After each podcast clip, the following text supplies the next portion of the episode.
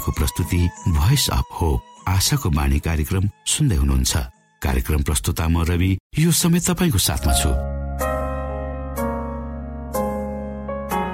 आफ्ना कामहरू अनि व्यस्ततालाई एकातिर राखेर हामीसँग केही समय बिताउने क्रममा यहाँ हुनुहुन्छ। हामी यहाँलाई हाम्रो कार्यक्रममा सहभागी हुनका लागि अनुरोध गर्दछौ। हामी साँचो परमेश्वर तपाईँलाई माया गर्ने परमेश्वर। तपाईँलाई उद्धार गर्न चाहने परमेश्वरका विषयमा जानकारीहरू प्रस्तुत गर्ने क्रममा छौ। श्रोता यी जानकारीहरू तपाईँको निमित्त अति महत्वपूर्ण पनि हुन सक्दछन्। परमेश्वरको प्रेमले तपाईँको जीवन सञ्चालन गर्न सकेको होस् भन्ने शुभ चाहना सहित हाम्रो कार्यक्रमलाई अगाडि बढाउ। सुरुमा सुनौ यो आत्मिक भजन।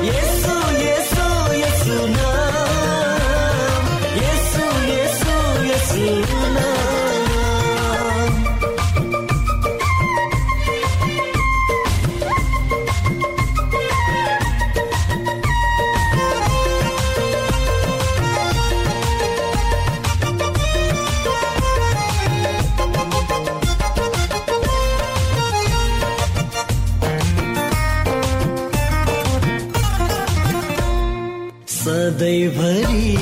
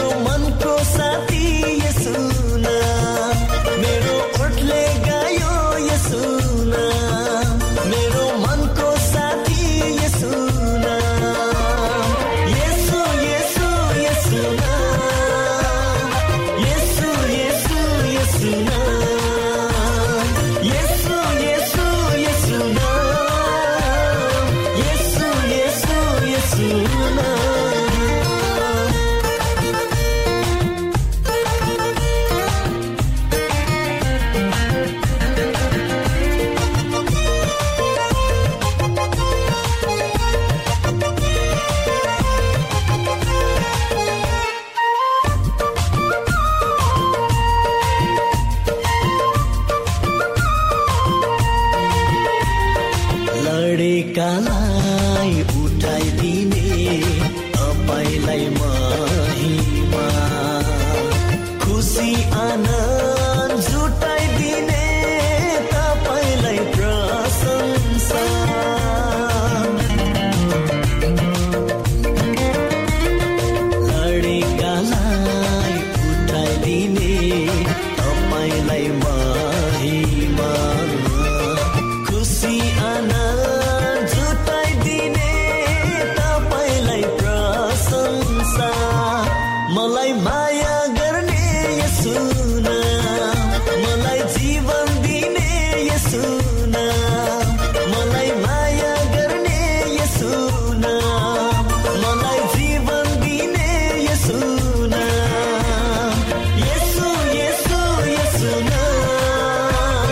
Yeah.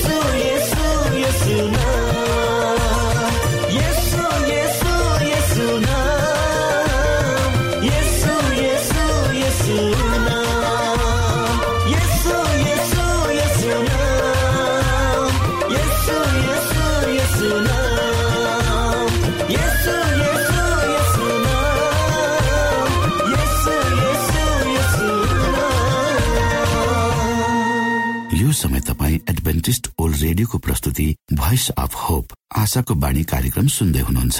श्रोता मित्र यो समय हामी पास्टर उमेश पोखरेलबाट आजको बाइबल सन्देश सुन्नेछौ।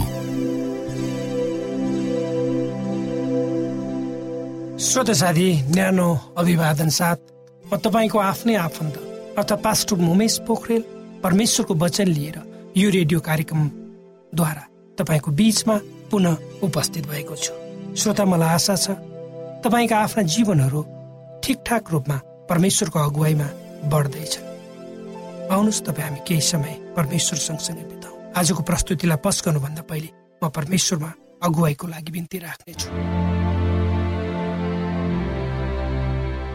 जीवित जिउँदो महान दयाल परमेश्वर प्रभु हामी धन्यवादी छौँ यो जीवन र जीवनमा दिनुभएका प्रशस्त आशिषका लागि। यो रेडियो कार्यक्रमलाई यसलाई तपाईँको राज्य र महिमाको प्रचारको खातिर यो देश र सारा संसारमा तपाईँले पुर्याउनुहोस् ताकि धेरै मानिसहरूले तपाईँको ज्योतिलाई देख्न सकु सबै बिन्ती प्रभु यीशुको नाममा। आमेन।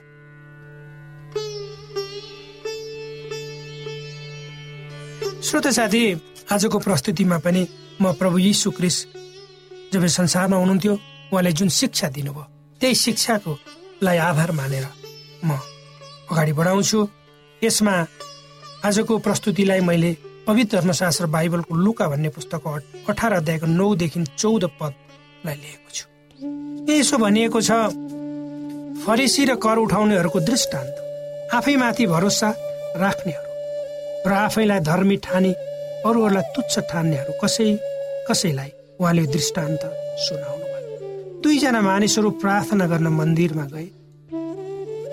एकजना फरिसी अर्को चाहिँ कर उठाउने फरिसीले उभिएर मनमा नै यसरी प्रार्थना गरौँ हे परमेश्वर म तपाईँलाई धन्यवाद दिन्छु।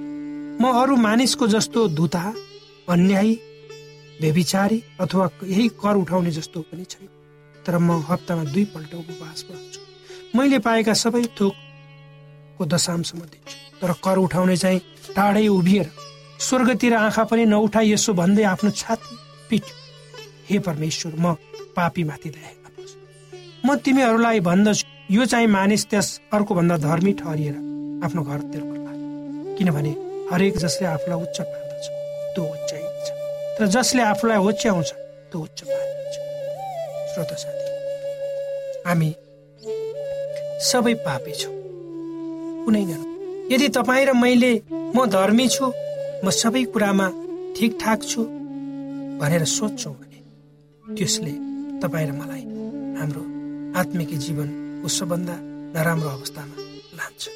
हो आफैमाथि भरोसा राख्नेहरू आफैलाई धर्मी ठाने अरूलाई तुच्छ ठान्नेहरू कसै कसैलाई क्रिसले एक फरिसी र कर उठाउनेको दृष्टान्त सुनाउनु भयो। वा तिनीहरूसँग तुलना गर्नुभयो फरिसीले यसरी आफू मन्दिर जानुपर्ने कारण आफूलाई एक क्षमा पाउनुपर्ने पापीको रूपमा अनुभव गरेको कारण नभई स्वयं आफैलाई धर्मी ठान्दै तारिफ पाउने आशा उसले लिएको थियो। उसले आफ्नो उपासनालाई स्वयं आफैलाई परमेश्वरमा सिफारिस गर्न गर्ने योग्यताको रूपमा लिएको थियो। यसको अलावा यसले मानिसहरूका मनमा उसको धार्मिकताको बारेमा उच्च अभिप्राय प्रकट गर्नेछ। उसले परमेश्वर र मानिस दुवै पक्षबाट निगा पाउने अपेक्षा राखेको थियो। उसको प्रार्थना स्वार्थीपनाद्वारा ऊ आत्मा प्रशंसाद्वारा ऊ आफ्नो यही स्वभाव तर्फ नजर लगाउँछ यसैमा हिँड्छ यसैमा गुणगान गर्छ यस प्रकार अन्य मानिसहरूदेखि अलग्गिएर ऊ यसो भन्छ पर जा मेरो नजिक नआइछ किनकि म तेरो निम्ति अति पवित्र छु। ऊ उभिएरै मनमा नै प्रार्थना गर्छ। पूर्ण रूपले आत्मसन्तुष्ट बन्न पुगेका कारण परमेश्वर तथा अन्य मानिसहरूले पनि उसको बारेमा यही भावना अँगालेको हुनुपर्छ भने उसले विचार ऊ भन्छ हे परमेश्वर म तपाईँलाई धन्यवाद दिन्छु। म अरू मानिसहरू जस्तो दुधा अन्यायी व्यभिचारी अथवा यही कर उठाउने जस्तो पनि छैन। उसले आफ्नो चरित्रलाई परमेश्वरको चरित्रद्वारा होइन तर अन्य मानिसका चरित्रद्वारा फैसला गर्ने गर्दछ। उसको मन परमेश्वरदेखि बहकिएर मानिसतर्फ झुक्न पुगेको छ। यही नै उसको आत्मसन्तुष्टिको रहस्य। ऊ आफ्ना असल कार्यहरूका बारेमा बयान गर्न थाल्छ।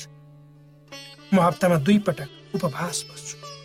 मैले पाएका सबै थोकको दशांशमा दिन्छु। फरिसीको धर्मले आत्मा छुन सक्दैन। उसले ईश्वर तुल्य चरित्र प्रेम र दयाले भरिपूर्ण हृदयको खोजी गरेको पनि छैन। ऊ केवल बाह्य जीवनसित सरोकार राख्ने धर्मप्रति मात्र सन्तुष्ट छ। उसको धार्मिकता स्वयं आफै आफ्नै मात्र हो जुन स्वयं आफ्नै कार्यहरूका फल हुन् र मानव स्तरद्वारा नै फैसला गरिन्छ।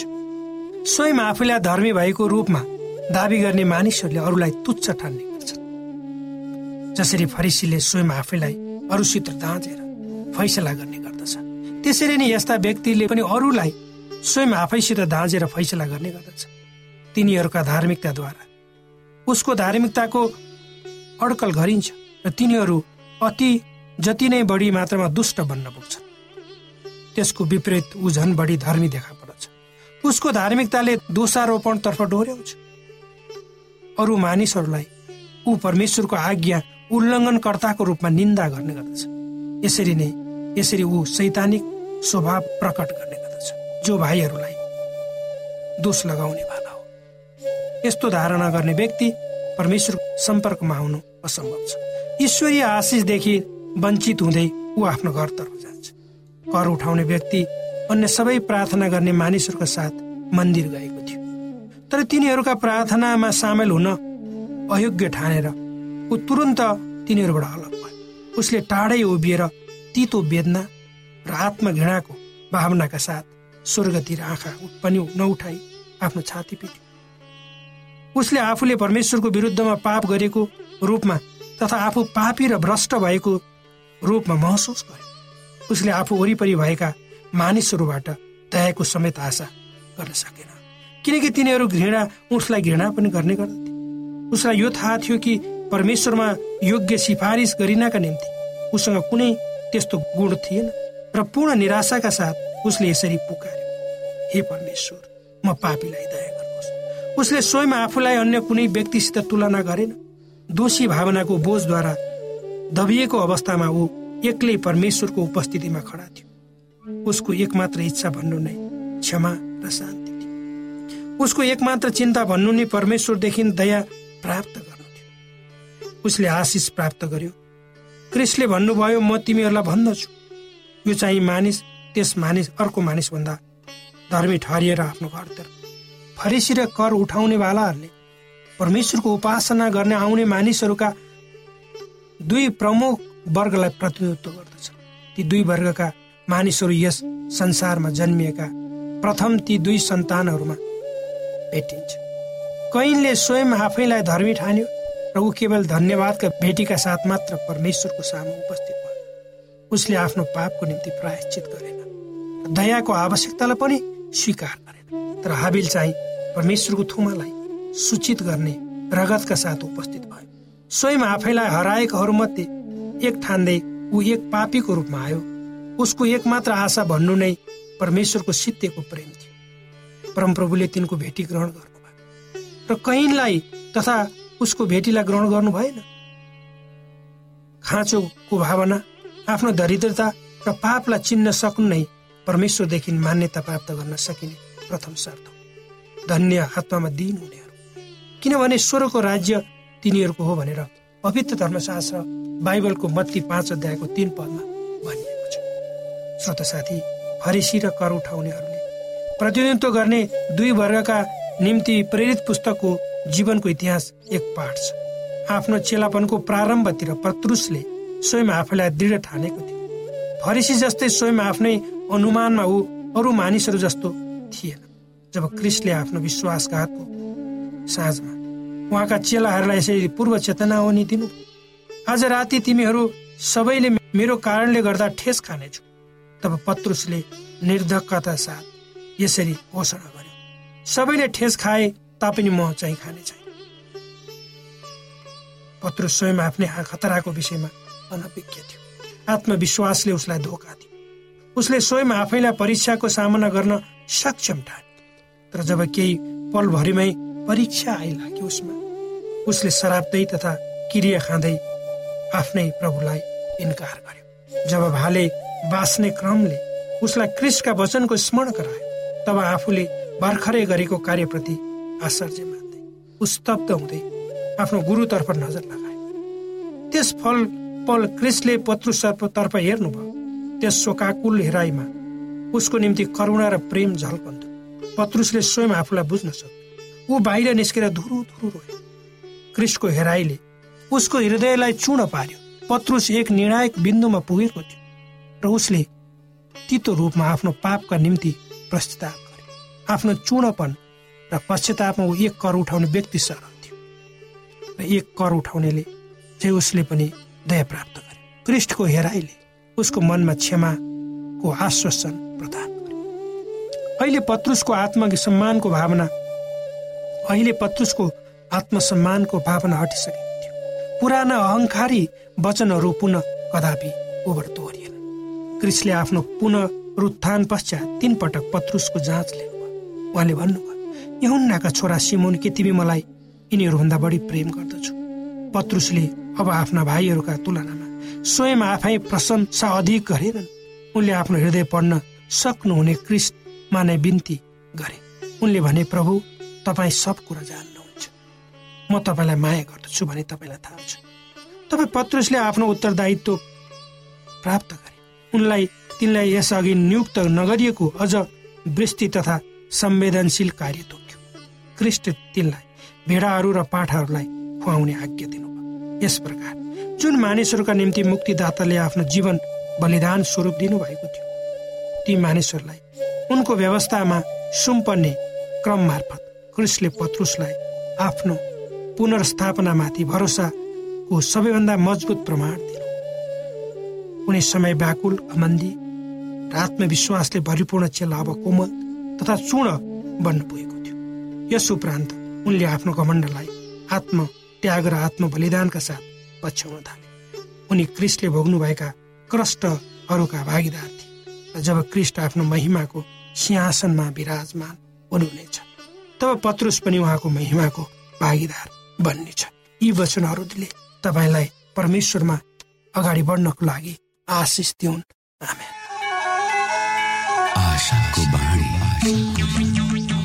श्रोता भर्खरै यहाँले पास्टर उमेश पोखरेलबाट बाइबल वचन सुन्नुभयो।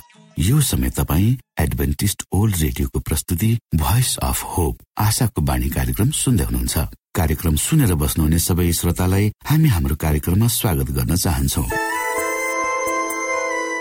श्रोता मित्र यदि तपाईँ जीवनदेखि हरेस खानु भएको छ तपाईँका जीवनमा धेरै अनुत्तरित प्रश्नहरू छन् भने आउनुहोस् हामी तपाईँलाई परमेश्वरको ज्योतिमा डोहोर्याउन चाहन्छौँ। र तपाईँ आफ्नो जीवनका चिन्ता फिक्रीबाट निश्चिन्त हुनुहोस् र बाँच्नुको आनन्द परमेश्वरको सामिप्यमा कति मिठो हुन्छ त्यो चाख्नुहोस् भनी हामी चाहन्छौँ।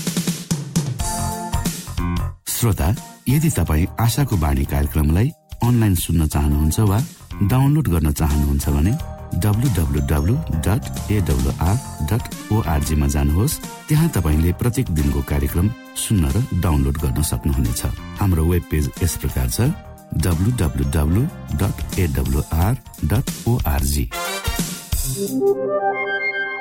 श्रोता यदि तपाईँ हामीसित सिधै फोनमा सम्पर्क गर्न चाहनुहुन्छ भने हाम्रा नम्बरहरू यस प्रकार छन्।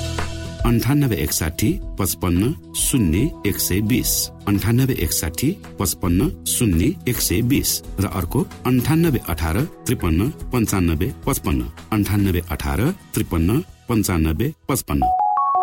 कोभिड नाइन्टिनका सम्पूर्ण खोप वा भ्याक्सिनको सफल परीक्षण गरिएको छ। यी भ्याक्सिन लिनाले हामी गम्भीर बिरामी हुनबाट जोगिन सक्छौ। त्यसैले तपाईँ पनि यो खोप लिनुहोस्।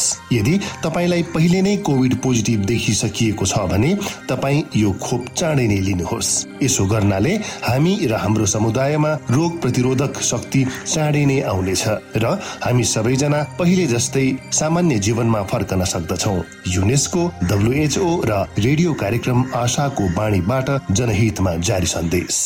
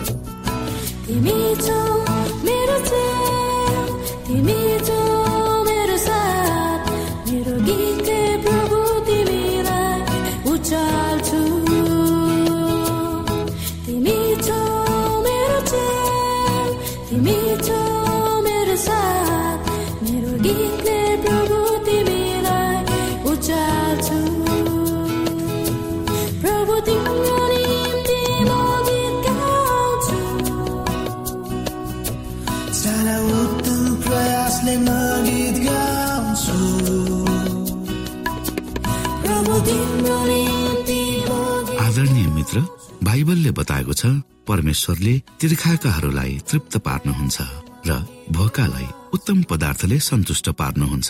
हामीलाई दिइएको यो छोटो समय आशाको बाणीको प्रस्तुतिको समयमा हामीले हाम्रा श्रोताको आत्मिक भोकलाई केही मात्रामा भए तापनि सही प्रकारको खोराक पस्केर आत्मिक सन्तुष्टि दिन सकेका छौं केही ऊर्जा थप्न सकेका छौं भनेर हामीले आशा राखेका छौं। आफ्ना मनमा भएका केही दुविधा र शंकाहरू छन् भने अवश्य हामीसँग बाँडेर शंकाको निवारण गर्नुहुनेछ र सही प्रकारको बाटो पहिल्याउन सक्नुहुनेछ परमेश्वरको सच्चाइले अझ राम्रो बुझ्न सक्नुहुनेछ र आफ्नो जीवनलाई परमेश्वरमा पूर्ण समर्पित भएर समर्पण सहितको जीवन बिताउन सक्नुहुनेछ भनेर आशा राख्दै अब हामी हाम्रो कार्यक्रम सकिएको जानकारी यहाँलाई गराउन चाहन्छौ। जानुभन्दा अगाडि श्रोता हामी यहाँलाई हाम्रो ठेगानाको विषयमा जानकारी गरौं। हामीसँग पत्राचार गर्ने हाम्रो ठेगाना यस प्रकार छ। आशाको बाणी पोस्ट बक्स नम्बर दुई शून्य शून्य शून्य दुई काठमाडौँ नेपाल। आशाको बाणी पोस्ट बक्स नम्बर दुई शून्य शून्य शून्य दुई काठमाडौँ नेपाल। यसै गरी श्रोता यदि तपाईँ हामीसँग सिधै कुराकानी गर्न चाहनुहुन्छ भने हाम्रो फोन नम्बर यस प्रकार छ। अन्ठानब्बे एकसाठी पचपन्न शून्य एक सय बिस। अन्ठानब्बे एकसाठी पचपन्न शून्य एक सय बिस। र अर्को अन्ठानब्बे अठार त्रिपन्न पञ्चानब्बे पचपन्न। अन्ठानब्बे अठार त्रिपन्न पञ्चानब्बे पचपन्न। हामीलाई इमेल पनि गर्न सक्नुहुन्छ। हाम्रो इमेल एड्रेस यस प्रकार छ। Nepal at AWR dot ORG Nepal at AWR dot ORG यदि तपाईँ हामीलाई अनलाइन सुन्न चाहनुहुन्छ वा डाउनलोड गर्न चाहनुहुन्छ भने तपाईँ W W W dot AWR dot ओआरजीमा जानुहोस् र त्यहाँ तपाईँले हाम्रा सबै कार्यक्रमहरू सुन्न सक्नुहुनेछ। हाम्रो वेब पेज यस प्रकार छ W W W dot AWR dot ORG श्रोता यसमा गएर तपाईँले हाम्रा दैनिक कार्यक्रमलाई सुन्न सक्नुहुनेछ। र डाउनलोड पनि गर्न सक्नुहुनेछ। हवस् त श्रोता हाम्रो कार्यक्रम सुनिदिनु भएकोमा एकचोटि फेरि यहाँलाई धन्यवाद दिँदै भोलि फेरि यही स्टेशन यही समयमा यहाँसँग भेट्ने आशा राख्दै प्राविधिक साथी राजेश पास्टर उमेश पोखरेल र कार्यक्रम प्रस्तुता म रवि यहाँसँग विदा माग्दछौ। परमेश्वरले तपाईँलाई धेरै धेरै आशिष दिनु भएको होस्। नमस्कार।